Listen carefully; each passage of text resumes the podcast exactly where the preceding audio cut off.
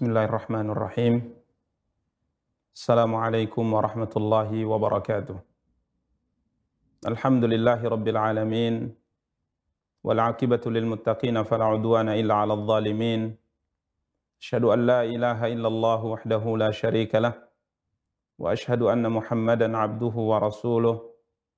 Sallallahu alaihi wa ala alihi wa ashabihi ومن اهتدى بهديه واستنى بسنته إلى يوم الدين وسلم تسليما كثيرا أما بعد Para pemirsa Rasyad TV yang dimuliakan dan dirahmati oleh Allah Subhanahu wa taala dan para akhwat yang hari ini alhamdulillah masih tetap bisa istiqamah untuk mengikuti kajian kita kajian tafsir Al-Qur'anil Karim via Zoom Semoga Allah Subhanahu wa taala memberikan rahmatnya dan karunia-Nya untuk kita semua. Pada kesempatan yang berbahagia kali ini biidznillah kita akan kembali melanjutkan kajian tafsir Al-Qur'an Al-Karim mencoba untuk mentafsirkan dan membaca tafsir juz amma yang alhamdulillah pada pertemuan yang lalu kita telah selesai dalam mentafsirkan beberapa ayat yang difirmankan oleh Allah Subhanahu wa taala tentang siksa yang diancamkan oleh Allah Subhanahu wa taala kepada orang-orang yang melampaui batas melakukan apa yang diharamkan oleh Allah Subhanahu wa taala dan meninggalkan apa-apa yang diperintahkan oleh Allah Subhanahu wa taala.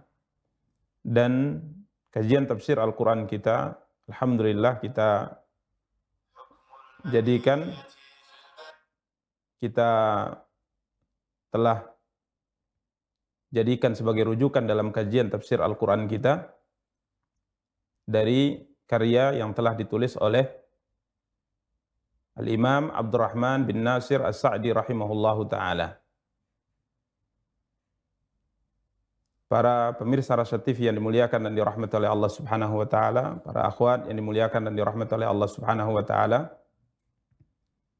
Kita akan kembali melanjutkan tafsir Al-Qur'an Al-Karim ini dan sedikit untuk mengulang apa yang telah kita jelaskan pada pertemuan yang lalu di mana kita telah menyelesaikan pembahasan tafsir ayat 20 sampai 26 ya di mana Allah Subhanahu wa taala dalam ayat-ayat yang telah kita tafsirkan pada pertemuan yang lalu mengancam orang-orang kafir, orang-orang yang ingkar kepada Allah Subhanahu wa taala yang Allah Subhanahu wa taala sebutkan di sini at-taghin. Yani orang-orang yang melampaui batas. Ya, orang-orang yang melampaui batas. Artinya orang-orang yang ingkar kepada Allah, orang-orang yang ingkar kepada utusan-utusan Allah Subhanahu wa taala maka Allah Subhanahu wa taala mengancam mereka dengan beberapa ancaman. Ya, ancaman yang pertama yang disebutkan oleh Allah Subhanahu wa taala, labithina fiha ahqaba. Ya, mereka menetap di dalam neraka jahanam wal billah berabad-abad lamanya. Dan telah kita jelaskan pada pertemuan yang lalu tentang makna ahqaban ini.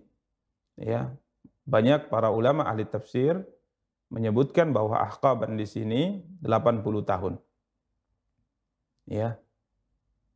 Namun 80 tahun di sini bukan berarti 80 tahun dalam hitungan dunia kan tapi 80 tahun dalam hitungan akhirat yang satu harinya di sana sama seperti seribu tahun hidup di dunia. Iya billah. Kemudian ancaman berikutnya yang Allah Subhanahu wa taala sebutkan Allah Subhanahu wa taala mengatakan bahwa mereka di dalam neraka jahanam dalam waktu yang sangat lama ya Allah Subhanahu wa taala mengatakan la yadukuna fiha bardan wala syaraba.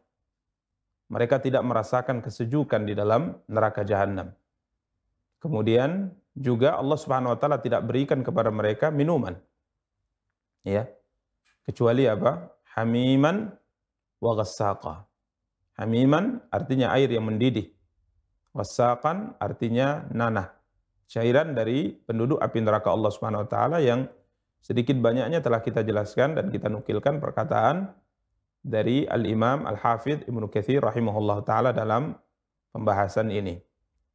Dan pada kesempatan yang berbahagia kali ini kita akan lanjutkan ya tafsir berikutnya di mana setelah Allah Subhanahu wa taala mengancam mereka dengan ancaman-ancaman yang sangat luar biasa ini, yang sangat menakutkan ini, Allah Subhanahu wa taala sebutkan jazaan wifaqa.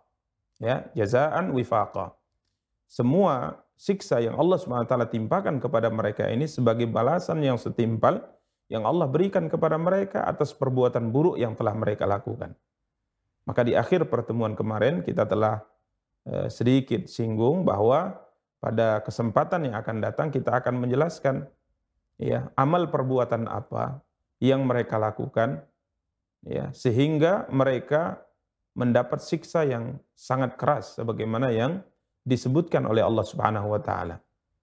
Amal perbuatan apa yang mereka lakukan sehingga akhirnya mereka mendapat siksaan yang setimpal yang sangat mengerikan.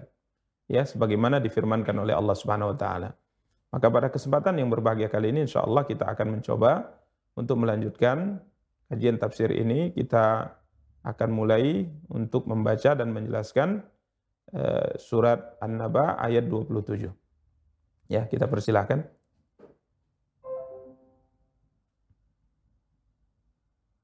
Bismillah.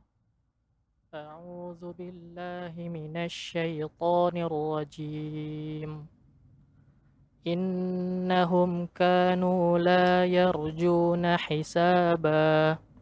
Sesungguhnya dahulu mereka tidak pernah mengharapkan perhitungan. Taib para pemirsa Rasul TV yang dimuliakan dan dirahmati oleh Allah, para akhwat yang dimuliakan dan dirahmati oleh Allah Subhanahu wa taala. Allah Subhanahu wa taala di sini berfirman, "Innahum kanu la yarjuna hisaba." Ya, sesungguhnya mereka waktu di dunia tidak berharap atau tidak takut kepada hisab. Al-Imam Sa'di rahimahullahu taala berkata, "Wa dzakara a'malahum allati istahaqqu biha hadzal jaza. Kemudian Allah Subhanahu wa taala menyebutkan ya amal-amal perbuatan mereka yang menyebabkan mereka mendapat siksa yang disebutkan di atas. Ya, di sini Allah Subhanahu wa taala kata beliau akan menyebutkan amal perbuatan yang mereka lakukan dalam kehidupan dunia yang akhirnya Allah Subhanahu wa taala siksa mereka dengan siksa yang setimpal yang sangat berat seperti ini. Ya, maka Allah Subhanahu wa taala berfirman, "Innahum kanu la yarjuna hisaba." Sesungguhnya mereka dahulu waktu hidup di dunia, mereka tidak takut, mereka tidak berharap kepada hisab. Al-Imam Sa'di rahimahullah taala mengatakan la yu'minuna bil. Ya, mereka tidak beriman dengan hari kebangkitan. Mereka tidak beriman dengan adanya balasan yang Allah Subhanahu wa taala akan berikan kepada manusia. Jika seandainya mereka melakukan amal kebaikan, maka balasannya adalah kebaikan.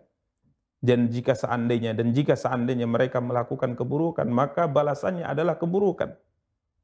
Kebaikan akan dibalas dengan surga Allah, keburukan akan dibalas dengan neraka Allah. Ini tidak diimani oleh mereka. Sehingga makna dari la yarjuna hisaba, mereka tidak berharap dengan hari hisab, menurut apa yang yang dijelaskan oleh Imam Sa'di rahimahullah maknanya la yu'minun. Mereka tidak beriman dengan adanya hari hisab atau hari perhitungan. Para pemirsa Rasyad TV yang dimuliakan dan dirahmati oleh Allah, para akhwat yang dimuliakan dan dirahmati oleh Allah Subhanahu wa taala. Ini adalah perbuatan mereka yang menyebabkan mereka kekal di dalam api neraka Allah Subhanahu wa taala, yakni la yarjuna hisab. Tidak takut, tidak berharap atau tidak beriman dengan adanya hari perhitungan. Ya. Mereka tidak yakin, mereka tidak beriman adanya hari pembalasan yang telah dijelaskan oleh Allah Subhanahu wa taala pada ayat-ayat sebelumnya. Artinya mereka kafir kepada hal ini. Mereka ingkar kepada hal ini. Dan ketahuilah bahwa tidak ada dosa yang lebih besar dari mengingkari hari kebangkitan. Tidak ada dosa yang lebih besar dari kekafiran. Ya.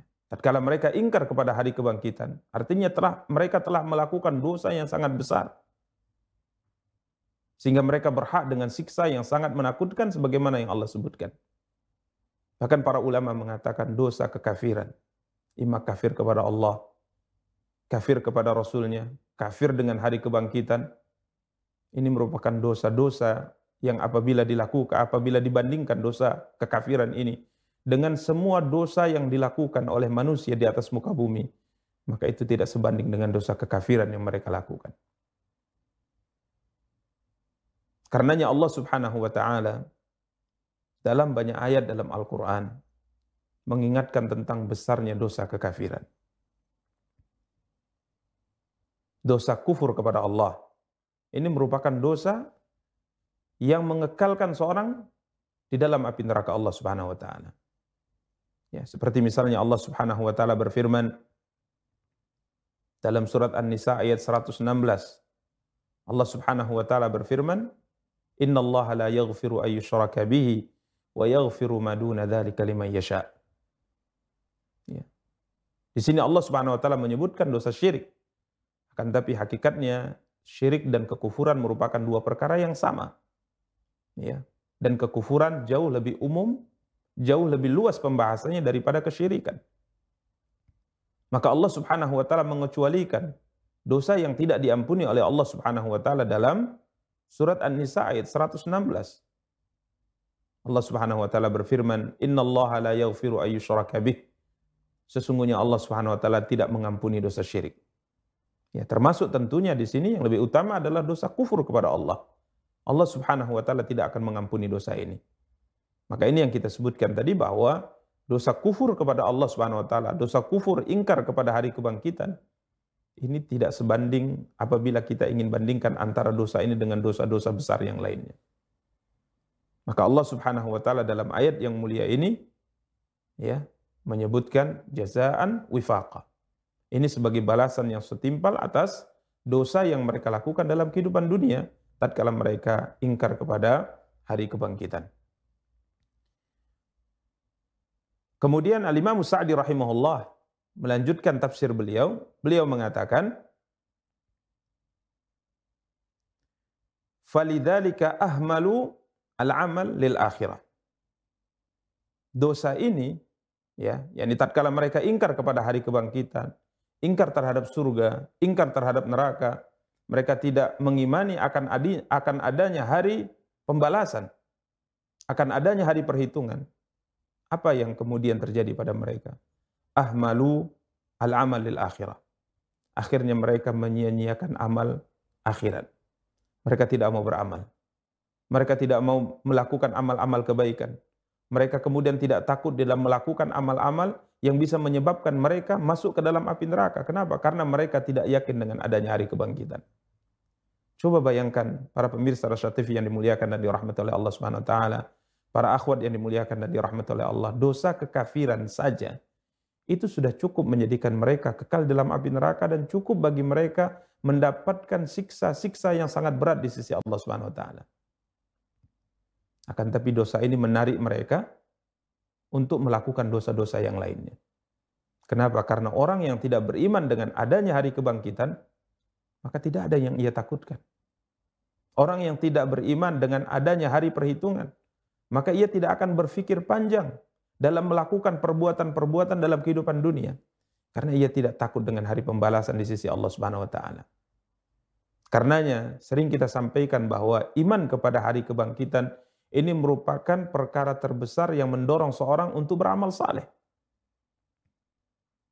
Artinya, tatkala seorang hamba yakin akan adanya hari kebangkitan, meyakini akan ada hari perhitungan, maka pasti hamba ini tatkala berkata, ia akan berhati-hati dalam berkata. Tatkala hamba ini berbuat, maka ia akan berhati-hati dalam perbuatannya. Karena ia yakin, ia beriman, bahwa semua yang ia ucapkan dan semua yang ia lakukan ada pertanggungjawabannya kelak tatkala ia bertemu dengan Allah Subhanahu wa taala. Namun kalau ia tidak beriman dengan hari kebangkitan, maka persis sebagaimana yang difirmankan oleh Allah Subhanahu wa taala, yatamatta'una wa ya'kulun kama ta'kulul an'amu wan naru mathwal lahum. Orang-orang kafir itu, orang-orang yang tidak beriman kepada hari kebangkitan. Mereka akan hidup di atas muka bumi ini, kata Allah, bersenang-senang. Makan dan minum sebagaimana makannya hewan ternak. Tidak ada beban. Melakukan apa pun yang mereka ingin inginkan. Tujuan mereka hanya ingin memuaskan nafsu syahwat mereka saja. Mereka melakukan apa saja yang mereka inginkan tanpa mempertimbangkan apa yang akan terjadi di hari kemudian. Bahkan Allah SWT berikan perumpamaan yang sangat buruk. Kama ta'kulul an'am. Sebagaimana makannya hewan ternak kata Allah. Wa naru mathwallahum. Dan kelak nerakalah tempat kembali untuk mereka waliyadzubillah. Maka iman kepada hari akhir ini adalah pendorong terkuat untuk beramal saleh. Coba camkan. Tatkala seorang hamba beriman dengan apa yang difirmankan oleh Allah Subhanahu wa taala, faman ya'mal mithqala dzarratin khairan yarah wa man ya'mal mithqala dzarratin syarran yarah. Tatkala seorang hamba beriman dengan ayat yang mulia ini dia beriman. Barang siapa yang beramal sekalipun amal yang ia lakukan sebesar zarrah ya sebesar zarrah ya diterjemahkan dengan sebesar biji sawi ya atau maknanya sebesar semut yang paling kecil atau sebesar debu sekali sekalipun. Siapa pun yang melakukan amal sekalipun kecil, maka kelak amal baik ya, amal yang baik sekalipun kecil, maka kelak dia akan melihat balasannya. Begitu juga sebaliknya, siapa pun di antara manusia yang melakukan amal keburukan sekalipun kecil, maka ia akan melihat juga balasannya kelak tatkala ia bertemu dengan Allah Subhanahu wa taala. Maka orang yang beriman dengan apa yang difirmankan oleh Allah Subhanahu wa taala ini, maka ia akan termotivasi untuk beramal dan ia tidak akan pernah meremehkan ketaatan sekalipun kecil dan ia tidak akan pernah meremehkan dosa sekalipun itu merupakan dosa yang paling kecil. Karenanya dalam sebuah hadis Nabi kita yang mulia sallallahu alaihi wasallam memotivasi kita untuk beramal. Contoh misalnya bersedekah. Nabi motivasi kita bersedekah agar kita terselamatkan dari api neraka Allah Subhanahu wa taala sekalipun bersedekah dengan apa? Bisyik kita meratin, sekalipun bersedekah dengan separuh dari buah kurma. Ya, buah kurma satu buahnya kemudian kita paruh, separuhnya mungkin kita makan, separuhnya mungkin kita sedekahkan. Nabi Shallallahu alaihi wasallam mengatakan, hendaknya salah seorang di antara kalian menyelamatkan dirinya dari api neraka Allah Subhanahu wa taala walau bisyikki tamratin walaupun dengan bersedekah ya walaupun dengan sedekah separuh dari buah kurma. Bahkan Nabi SAW katakan fa'ilam yajid dan tatkala ia tidak memiliki sesuatu yang ia bisa sedekahkan maka Nabi SAW katakan fabi kalimatin tayyibah maka hendaknya ia berkata dengan perkataan yang baik yang bisa menyelamatkan dirinya dari api neraka Allah Subhanahu wa taala. Hal ini disampaikan oleh Nabi sallallahu alaihi wasallam tatkala beliau bersabda. Dalam hadis yang diriwayatkan oleh Al-Imam Al-Bukhari, Nabi sallallahu alaihi wasallam bersabda, "Sungguh kata Rasulullah, la yaqifanna ahadukum baina yadayillahi subhanahu wa ta'ala." Sungguh kata Allah Subhanahu wa taala, kalian akan berdiri di hadapan Allah Subhanahu wa taala. Laisa bainahu wa bainahu hijabun wala turjuman Tatkala ia berdiri di hadapan Allah Subhanahu wa taala, tidak ada pembatas antara dia dengan Allah. Dan tidak ada penterjemah antara ia dengan Allah Subhanahu wa taala. Jadi ia melakukan komunikasi langsung dengan Allah Subhanahu wa taala dan tidak ada pembatas. Ini nanti di hari perhitungan. Apa yang Allah katakan kepada hamba ini? Alam utika malan. Bukankah aku telah memberikan kepadamu harta? Maka ia menjawab, Benar ya Allah. Kemudian Allah bertanya, Alam ursil ilaika rasulan. Bukankah aku telah mengutus kepadamu seorang rasul yang menjelaskan tentang jalan surga, menjelaskan tentang jalan neraka? Maka hamba ini mengatakan bala, benar ya Allah. Maka hamba ini tatkala berhadapan dengan Allah Subhanahu wa taala, Nabi sallallahu alaihi wasallam bersabda, "Fayanzuru an yaminihi fala yara illa an-nar." wa thumma yanzuru an shimalihi fala yara illa nar hamba yang sedang berdiri di hadapan Allah yang sedang diperiksa catatan amalnya ditanyakan kepadanya semua apa yang Allah anugerahkan kepadanya dalam kehidupan dunia Tatkala ia melihat ke arah kanannya, ia tidak melihat kecuali neraka Allah. Tatkala ia melihat ke arah kirinya, ia tidak melihat kecuali neraka Allah Subhanahu wa taala kata Nabi SAW. Ya, rasa takutnya sangat luar biasa. Maka Nabi SAW katakan, hendaknya kalian berusaha untuk menyelamatkan diri kalian dari api neraka dengan sedekah. Sekalipun hanya bersedekah dengan separuh dari buah kurma. Dan kalau tidak punya, maka minimal kata Rasulullah, fabi kalimatin. Dengan kalimat, ucapan, perkataan yang baik yang senantiasa kita ucapkan dalam kehidupan sehari-hari. Imma berzikir kepada Allah, imma membaca Al-Quran, atau mungkin menasehati, atau mungkin menjaga lisan kita untuk tidak berkata kecuali perkataan-perkataan yang baik sehingga kita bisa selamat dari api neraka Allah Subhanahu wa taala. Dan Nabi SAW juga berpesan kepada Aisyah terkait dengan masalah dosa. Iyaki wa muhakkiratid dhunub fa inna laha minallahi ta'ala taliban. Hai Aisyah, hati-hati engkau dari dosa-dosa yang kecil. Karena dosa yang kecil sekalipun itu ada tanggungan dan tuntutannya dari Allah Subhanahu wa taala.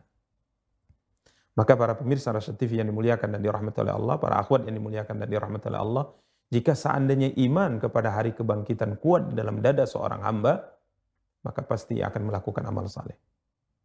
Jika seandainya amal jika seandainya iman kepada hari kebangkitan kuat dalam dada seorang hamba, maka ia pasti akan meninggalkan maksiat.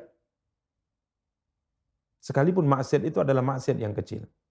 Namun sebaliknya jika seandainya iman kepada hari kebangkitan ini tidak ada, ia ingkar kepada hari kebangkitan, maka hamba ini akan melakukan dosa-dosa, dosa-dosa dan dosa-dosa sampai ia meninggal.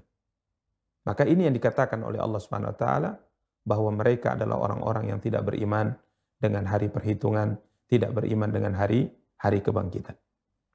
Lanjutkan ayat ke-28. وَكَذَّبُوا بِآيَاتِنَا كِذَّابًا Dan mereka benar-benar mendustakan ayat-ayat kami. Dan mereka benar-benar mendustakan ayat-ayat kami. Ini kelanjutan dari ayat 27 di atas. Apa yang mereka lakukan sehingga akhirnya mereka disiksa oleh Allah dengan siksa yang sangat menakutkan. Mereka benar-benar mendustakan ayat-ayat Allah Subhanahu wa taala. Artinya tatkala Al-Qur'an dibacakan kepada mereka mereka menolaknya. Mereka mendustakannya. Bahkan Allah Subhanahu wa taala memakai kata kidzaban di sini. Kidzaban diartikan benar-benar mendustakan. Artinya mereka mendustakan ayat-ayat Allah Subhanahu wa taala dengan sesungguhnya pendustaan, dengan sebenar-benarnya pendustaan. Ini merupakan gambaran pendustaan mereka terhadap ayat-ayat Allah dengan jelas dan tegas yang mereka lakukan. Ya. Mereka menolaknya dengan keras. Mereka menolaknya dengan tegas ingkar terhadap ayat-ayat yang disampaikan oleh utusan-utusan Allah kepada mereka. Mereka tidak ragu, mereka tidak takut menolak ayat-ayat tersebut. Bahkan Allah Subhanahu wa taala mengabadikan salah satu di antara ungkapan mereka tatkala mereka menolak dengan tegas apa yang disampaikan kepada mereka dari ayat-ayat Allah Subhanahu wa taala. Allah Subhanahu wa taala berfirman dalam surat Fussilat ayat 5, wa qalu qulubuna fi akinnatin mimma tad'una ilaihi wa fi adhanina waqrun wa min bainina wa bainika wa min bain wa min bainina wa bainika hijabun fa'mal innana amilun. Allah Subhanahu wa taala mengabadikan ucapan mereka di hadapan utusan-utusan Allah tatkala disampaikan kepada mereka ayat-ayat Allah Subhanahu wa taala. Mereka mengatakan Kulubuna fi akinnatin mimma tad'una ilai. Hati kami berada dalam tutupan. Ini yang mereka ucapkan.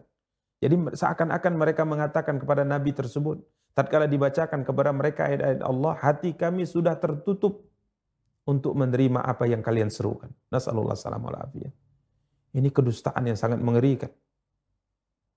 disampaikan kepada mereka ayat-ayat Allah, mereka berkata, "Qulubuna fi akinnatin mimma tad'una ilai."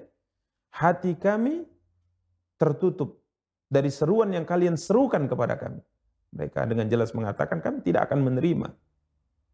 Bahkan mereka mengatakan wa fi adhanina waqrun dan pada telinga kami ada sumbatan.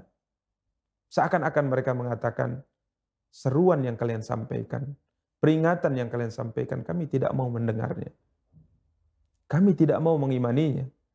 Kami tidak mau menerimanya dan kami sama sekali tidak mau mendengarnya. Luar biasa. Ya, bahkan mereka mengatakan wa min bainina wa bainika hijab dan antara kami dan kamu ada dinding pemisah. Fa'mal innana amilun. Bahkan mereka menantang. Utusan-utusan Allah tatkala menyampaikan ayat-ayat Allah tersebut, mereka mengatakan, maka bekerjalah. Beramanlah kamu. Sesungguhnya kami juga akan bekerja pula. Kita akan lihat kata mereka. Akibat dari perbuatan yang kamu lakukan dan dari akibat yang dari perbuatan yang kami lakukan.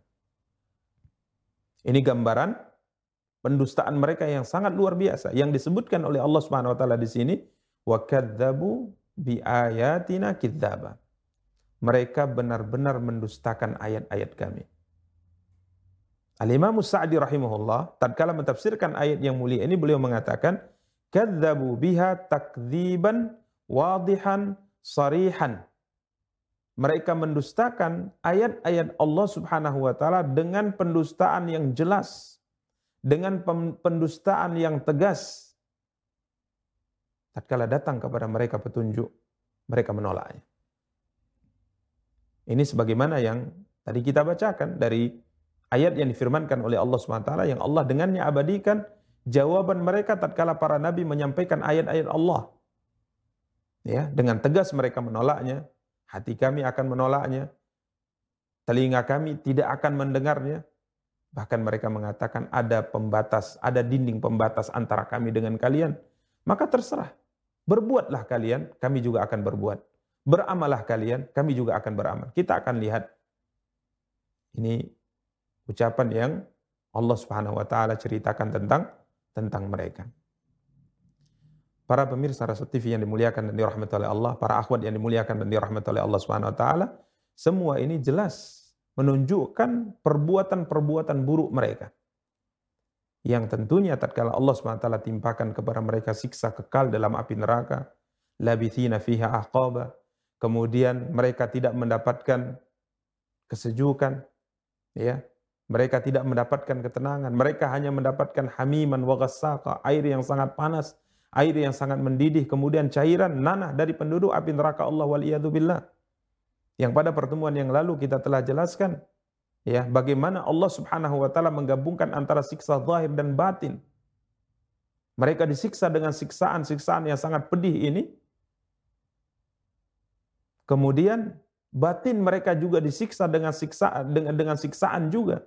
Sebagaimana kita jelaskan kemarin mereka melihat bagaimana penduduk surga berada di dalam kenikmatan. Kemudian mereka minta air, mereka minta makanan, akan tapi penduduk surga berkata, Inna Allah harramahu ma'alal kafirin. Sesungguhnya Allah SWT telah haramkan keduanya makanan dan minuman atas orang-orang kafir.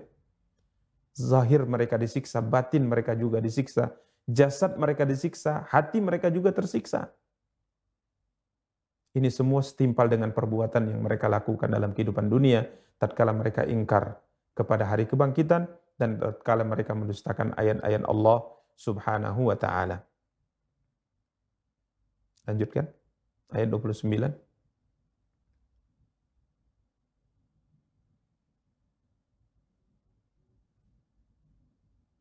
Wa kulla syai'in ahsaynahu kitaba dan segala sesuatu telah kami catat dalam suatu kitab buku buku catatan amalan manusia. Wa kulla syai'in ahsaynahu kitaba. Berikutnya Allah Subhanahu wa taala berfirman wa kulla syai'in ahsaynahu kitaba. Dan segala sesuatu telah kami catat dalam suatu kitab. Para pemirsa Rasul TV yang dimuliakan dan dirahmati oleh Allah, para akhwat yang dimuliakan dan dirahmati oleh Allah Subhanahu wa taala, Allah Subhanahu wa taala menjelaskan di sini segala sesuatu telah kami catat dalam suatu kitab.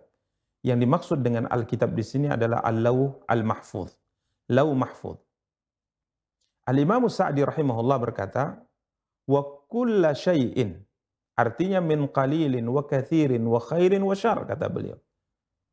Dan segala sesuatu, baik yang kecil maupun yang besar, yang sedikit maupun yang banyak, yang baik maupun yang buruk, ahsainahu kitabah. Telah kami catat di Al-Lauh Al-Mahfuz.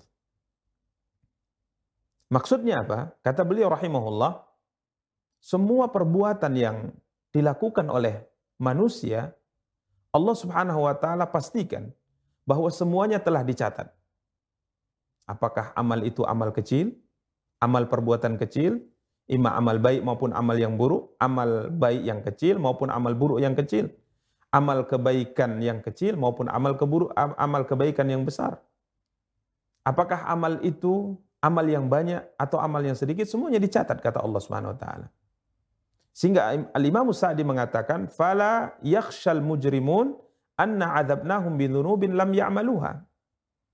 Maka orang-orang kafir, orang-orang yang melakukan dosa, janganlah mereka takut. Janganlah mereka berprasangka bahwa kami menyiksa mereka dengan siksaan seperti itu atas dosa yang tidak mereka lakukan. Tidak, kata Allah. Jangan mereka berprasangka bahwa kami menyiksa mereka dengan siksaan sebagaimana disebutkan di atas atas dosa-dosa yang tidak mereka lakukan tidak. Dosa mereka dicatat. Perbuatan mereka dicatat. Semuanya tercatat kata Allah Subhanahu wa taala. Wa kulla syai'in ahsainahu.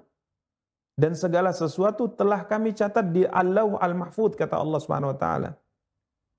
Maka dosa-dosa yang tercatat ini yang dengannya Allah SWT siksa mereka karenanya sebagai balasan yang setimpal untuk mereka. Dan Allah Subhanahu wa taala tidak akan menyia-nyiakan amal perbuatan mereka sekalipun sebesar darah. Ya, ini maksud ayat. Wa kulla syai'in ahsainahu kitaba. Mereka mendustakan ayat-ayat Allah mereka tidak beriman dengan hari kebangkitan sehingga menyebabkan mereka melakukan amal-amal kejahatan, amal-amal dosa yang sangat banyak. Dan Allah berjanji dan Allah jelaskan dan tegaskan bahwa semua ini dicatat. Dan kelak tatkala mereka disiksa oleh Allah Subhanahu wa taala ini semua karena dosa yang telah dicatat, yang telah mereka lakukan dalam kehidupan dunia. Allah Subhanahu wa taala berfirman dalam surat Al-Kahfi ayat 49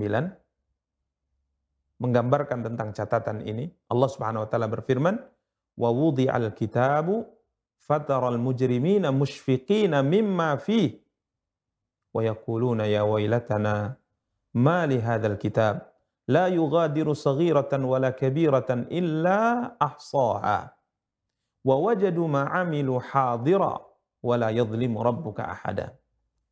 Allah Subhanahu wa taala berfirman dan diletakkanlah kitab catatan. Fataral mujrimina musyfiqina mimma fi. Lalu kamu akan melihat orang-orang yang melakukan dosa, orang-orang yang bersalah, banyak melakukan maksiat dalam kehidupan dunia, musyfiqina mimma fi. Mereka ketakutan terhadap apa yang tertulis di dalam kitab catatan itu. Kemudian mereka berkata, wa yaqulun ya wailatana ma li hadzal kitab. Dan mereka berkata, aduhai celakanya kami. Ya, tatkala mereka melihat catatan amal-amal perbuatan mereka, apakah perbuatan yang kecil ataukah perbuatan yang besar, perbuatan baik, perbuatan buruk, semuanya tercatat. Tidak ada yang terluput darinya. Sampai sebagian para ulama berpendapat, semua yang kita ucapkan, baik itu terkait dengan dosa atau terkait dengan pahala, ataupun tidak terkait dengan keduanya, itu semua dicatat oleh malaikat. Dan catatannya ada di lau mahfuz. Sampai rintihan, menurut sebagian para ulama, sampai rintihan kita. Tatkala kita sakit, kita mengatakan aduh, rintihan kita itu dicatat. Apatah lagi ucapan, perbuatan yang terkait dengan pahala dan dosa. Semuanya dicatat. Sehingga orang-orang yang banyak melakukan dosa ini berkata, Ya wailatana mali hadal kitab. Aduhai celakanya kami. Kitab apakah ini yang tidak meninggalkan la yughadiru saghiratan wala kabiratan illa ahsaha. Tidak meninggalkan yang kecil, tidak pula yang yang besar, melainkan semuanya tercatat padanya. Wa wajadu ma amilu hadira. Dan mereka dapati apa yang telah mereka kerjakan dalam kehidupan dunia Semuanya tertulis. Wala yadlimu rabbuka ahada. Dan Rabbmu tidak menzolimi seorang pun. Ya, jadi ini yang ditegaskan oleh Allah Subhanahu wa taala. Setelah Allah Subhanahu wa taala jelaskan siksa-siksa yang akan mereka alami, kemudian Allah Subhanahu wa taala menjelaskan kenapa mereka mendapatkan siksa seperti itu, siksa yang sangat mengerikan, Mungkin sebagian akan berpikir, atau mereka akan berpikir, mungkinkah Allah SWT menyiksa mereka dengan perbuatan yang tidak mereka lakukan? Maka Allah jawab, wa kulla syai'in ahsainahu kitab, kata Allah SWT. Segala sesuatu telah kami catat dalam suatu kitab. Artinya, tidaklah mereka disiksa kecuali perbu karena perbuatan mereka sendiri. Tidaklah mereka disiksa kecuali karena dosa-dosa yang telah mereka lakukan yang semuanya tercatat dalam catatan amal mereka. Para pemirsa Rasa TV yang dimuliakan dan dirahmati oleh Allah, para akhwat yang dimuliakan dan dirahmati oleh Allah Subhanahu wa taala. Sebagian para ulama mentafsirkan kitaban di sini Allah Mahfud.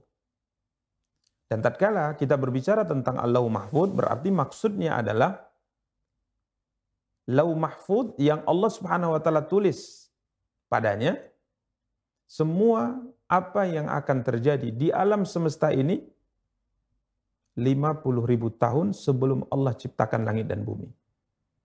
Ya, sebagaimana dalam hadis yang masyhur, Allah Subhanahu wa taala berfirman kepada al-qalam, kepada pena. Allah memerintahkannya untuk menulis. Uktub. Tulislah. Maka pena berkata, apa yang aku tulis? Wahai Rabbku. Maka Allah taala berfirman, uktub ma huwa kainun ila yaumil qiyamah. Tulislah semua apa yang akan terjadi sampai hari kiamat. Dan tulisan ini ditulis 50 ribu tahun sebelum Allah subhanahu wa ta'ala ciptakan langit dan bumi.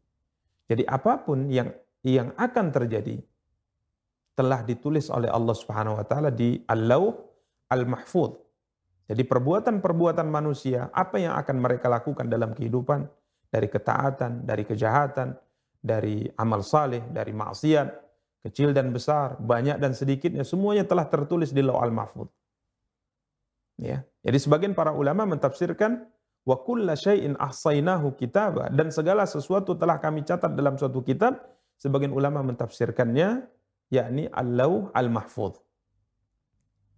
Dan sebagian para ulama mentafsirkan wa kulla syai'in ahsainahu kitaba dan segala sesuatu telah kami catat dalam suatu kitab maksudnya adalah catatan yang ada di tangan malaikat. Ya, catatan yang ada di tangan malaikat. Dan tentunya ini merupakan tafsir yang tidak bertentangan. Karena tidaklah malaikat mencatat apa yang mereka lihat, apa yang mereka dengar dari ucapan dan perbuatan manusia, kecuali semua itu juga telah tercatat dahulu 50 ribu tahun sebelum Allah ciptakan langit dan bumi di Lauh Al-Mahfuz. Ya, jadi tatkala sebagian ulama mentafsirkan wa kulla syai'in ahsainahu kitaba, di sini maknanya Allah Al-Mahfuz atau mereka mentafsirkan ahsainahu kitaba, di sini maknanya adalah catatan atau lembaran catatan yang ada di tangan malaikat ini tidak bertentangan. Karenanya kita lihat Al-Imam Sa'di rahimahullah tatkala mentafsirkan ayat yang mulia ini, beliau membawakan ya ayat yang kita bacakan tadi surat Al-Kahfi ayat 49 yang di dalam ayat tersebut Allah berfirman dengan catatan yang ada di tangan malaikat. Yang tatkala orang kafir dibangkitkan oleh Allah Subhanahu wa taala kemudian berdiri di hadapan Allah untuk melewati perhitungan, maka Allah berikan kepadanya catatan amal yang ditulis oleh malaikat, maka mereka mengatakan ya wailatana mali hadzal kitab la yughadiru saghiratan wala kabiratan illa asaha wa wajadu ma amilu hadira wa la yadhlimu rabbuka ahada. Ini gambaran catatan yang ada di tangan malaikat yang waktu hidup di dunia ditugaskan oleh Allah untuk mencatat semua yang ia ucapkan, semua yang ia lakukan, sehingga nanti pada hari akhirat catatan ini akan diberikan kepadanya. Ya, jadi dua tafsir ini sama sekali tidak tidak bertentangan. Imma ditafsirkan dengan Allah al-Mahfud dan ini kebanyakan para ulama ahli tafsir mentafsirkannya atau ditafsirkan dengan catatan yang ada di tangan malaikat dari perbuatan dan juga ucapan yang dilakukan oleh seorang hamba dalam kehidupan dalam kehidupan dunia. Berikutnya ayat 30. فذوقوا فلن نزيدكم إلا عذابا maka karena itu rasakanlah maka tidak ada yang akan kami tambahkan kepadamu selain azab ini merupakan ayat yang sangat menakutkan bahkan Imam Sa'di rahimahullah taala mengatakan hadhil ayah asyaddul ayat fi syiddati azabi ahli nar. Ajanarallahu minha. Beliau mengatakan bahwa ayat ini merupakan ayat yang paling keras. Menggambarkan tentang kerasnya siksa penduduk neraka. Semoga Allah SWT melindungi kita semua dari dahsyatnya api neraka. Ini ayat yang paling keras. Bahkan tidak ada ayat dalam Al-Quran, kata para ulama, yang Allah SWT ceritakan tentang siksa yang akan Allah timpakan kepada orang-orang kafir di dalam api neraka lebih keras dari ayat yang mulia ini. Fadhuku falan nazidakum illa adaba. Karena itu kata Allah, rasakanlah siksa ini kata Allah. Sebagai balasan setimpal atas perbuatan yang telah kalian lakukan dalam kehidupan dunia. Dan falan nazidakum illa adaba kami sekali-kali tidak akan menambah kepada kamu selain azab. Kami tidak akan menambah kecuali azab. Fadhuku. Kata Imam Sa'di rahimahullah, Fadhuku ayyuhal mukadzibun hadzal azab al-alim wal khizyad daim. Maka rasakanlah wahai orang-orang yang mendustakan ayat-ayat Allah, orang-orang yang mendustakan hari kebangkitan, hari pembalasan, rasakanlah oleh kalian adab yang pedih ini dan kehinaan yang abadi ini. Karena kami kata Allah, lan nazidakum illa adzaba. Kami tidak akan kami sekali-kali tidak akan menambah kepada kamu selain azab. Apa kata Abdullah bin Amr radhiyallahu taala sebagaimana dinukil oleh Imam Ibnu Katsir rahimahullahu taala yang maknanya dinukil oleh Imam Sa'di yang kita bacakan tadi. Abdullah bin Amr berkata, lam yanzil fi sya'ni ahli nari ayah asyadda min hadil ayat. Tidak ada satu ayat pun yang Allah Subhanahu wa taala turunkan kepada penduduk api neraka terkait dengan siksa yang Allah timpakan kepada mereka. Yang tentunya ayat-ayat yang berkaitan dengan siksa neraka itu sangat banyak. Allah Subhanahu wa taala bercerita misalnya waquduhan nasu wal bahan bakar api neraka itu adalah manusia dan batu. Allah bercerita tentang buah zakum. Ini merupakan siksa yang sangat mengerikan. Begitu juga dengan hadis-hadis yang disabdakan oleh Nabi Wasallam yang sangat banyak bercerita tentang siksa api neraka. Namun Abdullah bin Amr berkata tidak ada satu ayat pun yang turun berkaitan dengan penduduk neraka siksa yang akan mereka rasakan dalam api neraka yang lebih keras daripada ayat ini. Yakni firman Allah dalam surat An-Naba ayat 30 ini, "Fadzuqu falan nazidakum illa adzaba." Maka rasakanlah kata Allah. Karena itu rasakanlah siksa ini kata Allah Subhanahu wa taala dan sekali-kali kami tidak akan menambah kepadamu selain azab. Fahum kata beliau fi mazidim minal adabi abadan. Mereka di dalam api neraka selalu berada pada penambahan-penambahan siksa dari Allah Subhanahu wa taala. Ini ayat yang sangat mengerikan. Ya, sebagaimana dikatakan oleh Abdullah bin Amr ini radhiyallahu taala anhu. Namun di sini perlu digarisbawahi satu hal yang mungkin harus dipahami oleh kita agar kita tidak salah paham dalam memahami firman-firman Allah Subhanahu wa taala. Pertama kita ingatkan bahwa tatkala Allah Subhanahu wa taala ya, tatkala Allah Subhanahu wa taala berfirman tentang siksa yang Allah timpakan kepada penduduk api neraka, maka Allah pertegas pada ayat yang sudah kita jelaskan jazaan wifaqa. Siksa itu ditimpakan kepada mereka sebagai balasan setimpal atas perbuatan yang mereka lakukan. Dan Allah tidak akan menzalimi hambanya. Artinya Allah subhanahu wa ta'ala tidak akan menyiksa seorang hamba dengan siksaan melebihi atas dosa yang ia lakukan. Kadar siksaan yang Allah akan timpakan kepada orang kafir itu sesuai dengan kadar dosa yang mereka lakukan. Dan Allah tidak akan melebihkan siksaan. Ya, ini harus kita pahami. Karenanya dalam banyak ayat dan sering kita sampaikan, Allah subhanahu wa ta'ala tidak akan menzalimi hambanya sekalipun hanya sebesar darah. Tidak mungkin Allah akan menyiksa seorang hamba dengan siksaan tertentu, padahal siksaan itu, padahal hamba tadi tidak melakukan kesalahan. Semua siksaan akan Allah timpakan setimpal dengan perbuatan yang dilakukan oleh hamba. Makanya di sini perlu untuk diluruskan tatkala Allah Subhanahu wa taala berfirman falan nazidakum illa adzaba. Ya, sekali-kali kami tidak akan menambah kepadamu selain azab.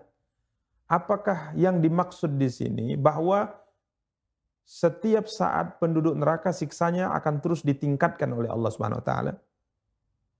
Contoh misalnya Allah Subhanahu wa taala mengatakan labithina fiha aqaba. Mereka akan menetap di dalam api neraka beberapa ahqab. Ya taruh kita katakan bahwa ahkoban di sini 80 tahun. Maka setelah berlalu 80 tahun pertama, apakah maksudnya, maksud daripada ayat falan nazidakum illa adaba, setelah berlalu 80 tahun pertama, maka memasuki 80 tahun kedua, apa, apakah maksudnya siksanya akan ditingkatkan oleh Allah. Kemudian masuk 80 tahun ketiga, apakah siksanya terus akan ditingkatkan oleh Allah sampai dalam waktu yang tak terhingga dan siksaan yang tidak terbayangkan? Bukan ini maksudnya. Ya, bukan ini maksudnya. Jadi yang dimaksud dengan fadzuku falan nazidakum illa adaba, maka rasakanlah kata Allah, kami sekali-kali tidak akan menambah kepada kamu selain adab. Maksudnya azab yang ditimpakan kepada mereka itu bervariasi. Berbeda-beda. Tapi kadarnya setimpal dengan dosa yang mereka lakukan. Ya, karenanya Imam Ibnu Katsir rahimahullah tatkala mentafsirkan ayat yang mulia ini, beliau menukil firman Allah dalam surat Sad ayat 58 yang bisa mendekatkan kepada pemahaman yang benar terkait dengan ayat ini.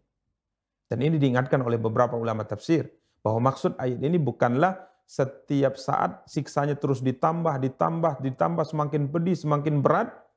Bukan ini maksudnya. Akan tapi Allah akan ganti siksaan-siksaan yang lainnya yang semuanya itu setimpal dengan perbuatan yang mereka lakukan. Ya, sebagaimana yang Allah firmankan dalam surat Sad ayat 58, Allah berfirman, "Wa akharu min syaklihi azwaj."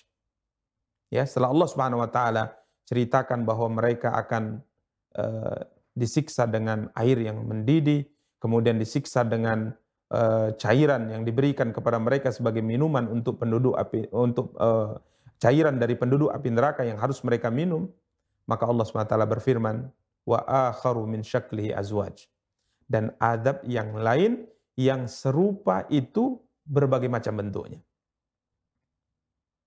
Jadi mungkin sekali Allah SWT timpakan mereka adab tertentu, kemudian pada masa berikutnya Allah Subhanahu wa taala timpakan adab yang lainnya yang semua adab yang mereka rasakan ini semuanya setimpal dengan perbuatan maksiat yang mereka mereka lakukan. Ya, jadi ini maksud ayat yang mulia ini sehingga tidak disalah disalahpahami sehingga sebagian orang akan salah paham apakah mungkin ya Allah Subhanahu wa taala menyiksa seorang hamba di di atas ya dari dosa yang mereka lakukan atau tidak setimpal dengan dosa yang mereka lakukan. Ini tidak mungkin dilakukan oleh Allah Subhanahu wa taala karena Allah tidak akan menzalimi hambanya. Lanjutkan ayat 31. Inna lil muttaqina mafaza. Sungguh orang-orang yang bertakwa mendapatkan kemenangan. Para pemirsa Rasul TV yang dimuliakan dan dirahmati oleh Allah, para akhwat yang dimuliakan dan dirahmati oleh Allah Subhanahu wa taala, setelah Allah Subhanahu wa taala berfirman tentang orang-orang kafir, setelah Allah Subhanahu wa taala berfirman tentang siksa-siksa yang akan ditimpakan oleh Allah Subhanahu wa taala kepada mereka, maka berikutnya Allah Subhanahu wa taala berfirman tentang orang-orang yang selamat. Tentang orang-orang yang akan mendapat kemenangan, tentang orang-orang yang bertakwa, orang-orang yang akan masuk ke dalam surga Allah dan Allah taala akan menyebutkan tentang sedikit gambaran nikmat yang Allah taala anugerahkan kepada mereka. Dan ini merupakan metode Al-Qur'an. Ya, metode Al-Qur'an. Karena kalau kita lihat dari uh, surat Al-Baqarah misalnya, ya, Seterusnya sampai surat An-Nas kita akan dapati metode ini banyak difirmankan oleh Allah SWT. Setelah Allah berfirman tentang penduduk neraka, Allah berikutnya akan berfirman tentang penduduk surga.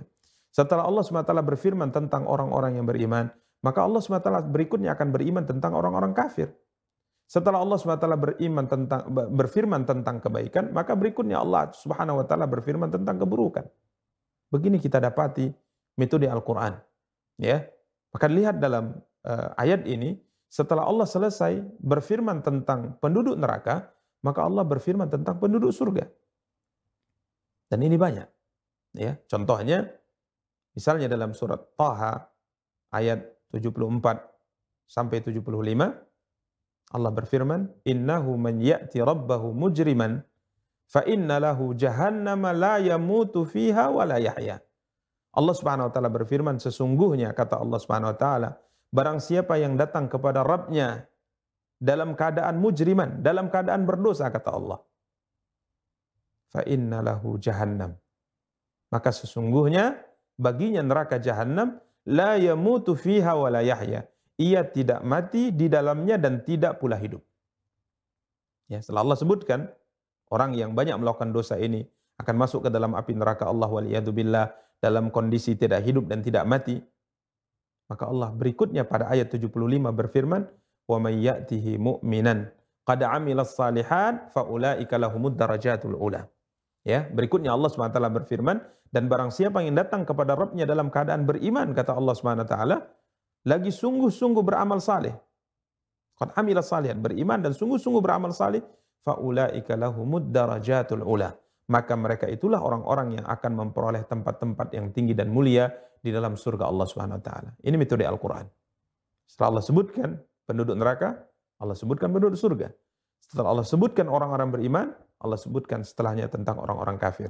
Sama seperti ayat yang mulia ini, setelah Allah selesai berfirman tentang penduduk neraka dan siksa-siksa neraka, maka Allah berfirman tentang penduduk surga dan nikmat yang ada di dalam surga. Maka Allah berfirman, "Inna lil muttaqina mafazan. Sesungguhnya orang-orang yang bertakwa kata Allah mendapat kemenangan. Ya, mendapat mendapat kemenangan. Al-Imam Sa'di rahimahullah menjelaskan siapa yang dimaksud dengan muttaqin ittaqau sukhta rabbihim yakni orang yang bertakwa menghindari murka Rabb mereka Allah Subhanahu wa taala. Dengan apa mereka berusaha menghindari murka Allah? Bittamassuki bita'atihi. Ya, dengan melakukan ketaatan kepada Allah dan menjauhi segala perkara yang dibenci oleh Allah Subhanahu wa taala.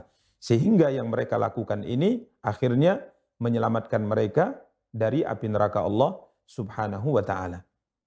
Ini hakikat takwa. Ya, menjalankan perintah Allah dan menjauhi larangan Allah yang dengannya seorang hamba akhirnya diselamatkan oleh Allah Subhanahu wa taala dari api neraka Allah SWT yang Allah katakan inna lil muttaqina mafazan.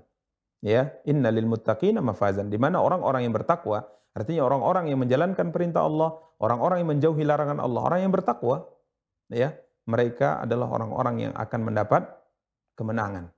Ya, dengan diizinkan untuk masuk ke dalam surga Allah Subhanahu wa taala. Berikutnya ayat 32.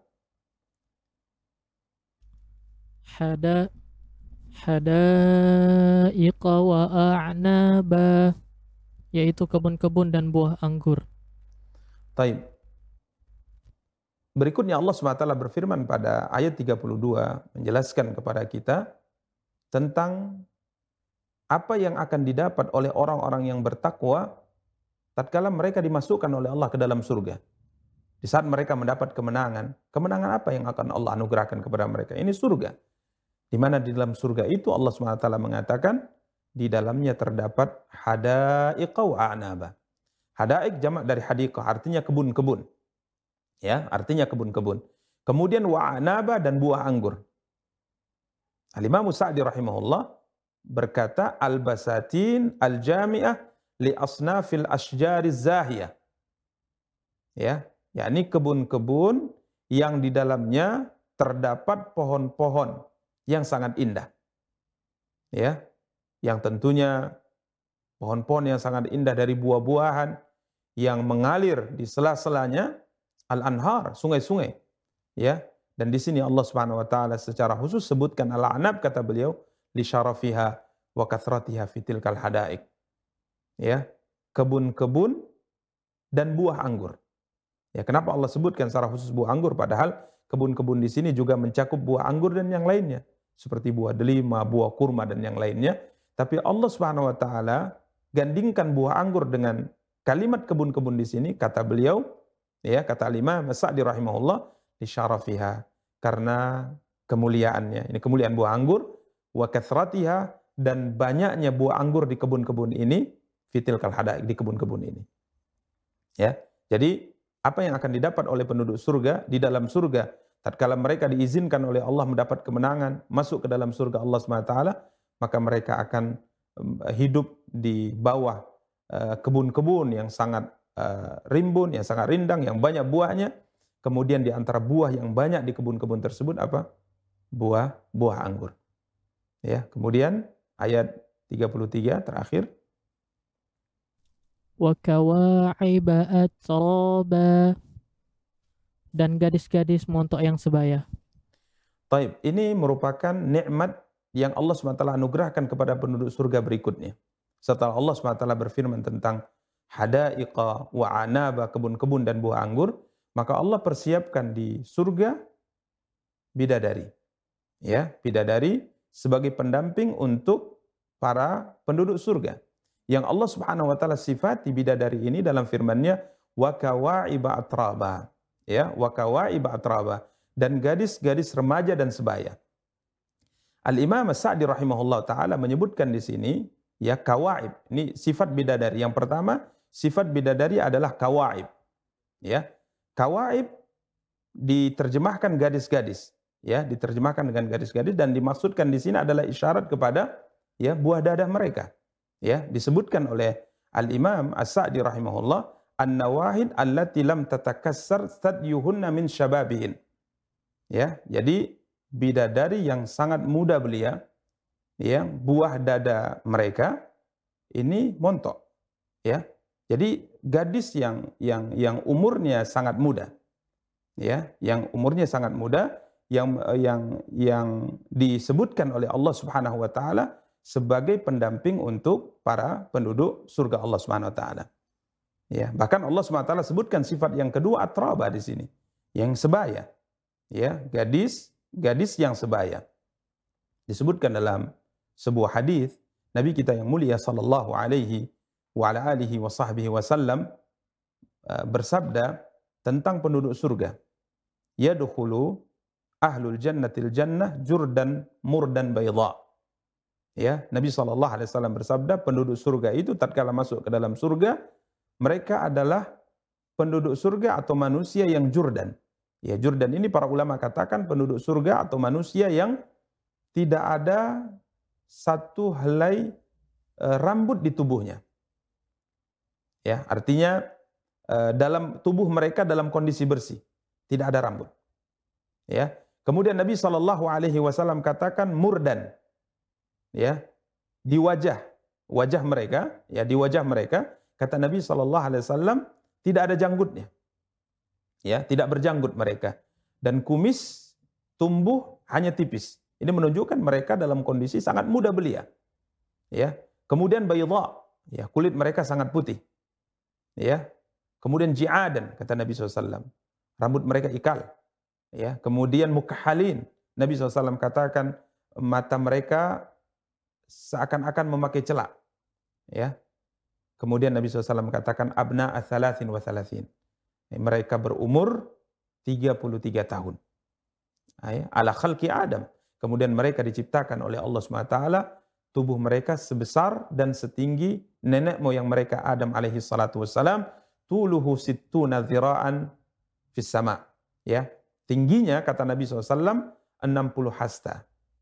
Ya, tingginya 60 hasta. Ini menggambarkan tentang penduduk surga. Jadi Allah SWT katakan di sini atraban. Ya, laki-laki dari penduduk surga dengan beda dari penduduk surga itu sebaya. Ya, itu sebaya. Jadi umur mereka 33 tahun kata Rasulullah sallallahu alaihi wasallam. Ini ya gambaran yang kedua dari nikmat yang Allah SWT persiapkan untuk penduduk surga di dalam surga Allah Subhanahu wa taala. Yang pertama tadi halaiqa wa anaba, kebun-kebun dan buah anggur. Kemudian yang kedua adalah kawaiba atraba, gadis-gadis remaja dan sebaya. Ya, demikian yang dapat kita sampaikan pada pertemuan kita kali ini. Semoga bisa memberikan manfaat kepada kita semua dan lebih bisa mendekatkan diri kita kepada Allah dan memberi motivasi kita untuk selalu berusaha beramal saleh dan semoga Allah Subhanahu wa taala selamatkan kita semua dari api neraka dan izinkan kita untuk memasuki surganya Subhanahu wa taala. Kita akhiri pertemuan kita, kita tutup dengan doa kafaratul majlis. Subhanakallahumma bihamdika asyhadu an la ilaha illa anta Astaghfiruka wa atubu ilaika. Wassalamualaikum warahmatullahi wabarakatuh.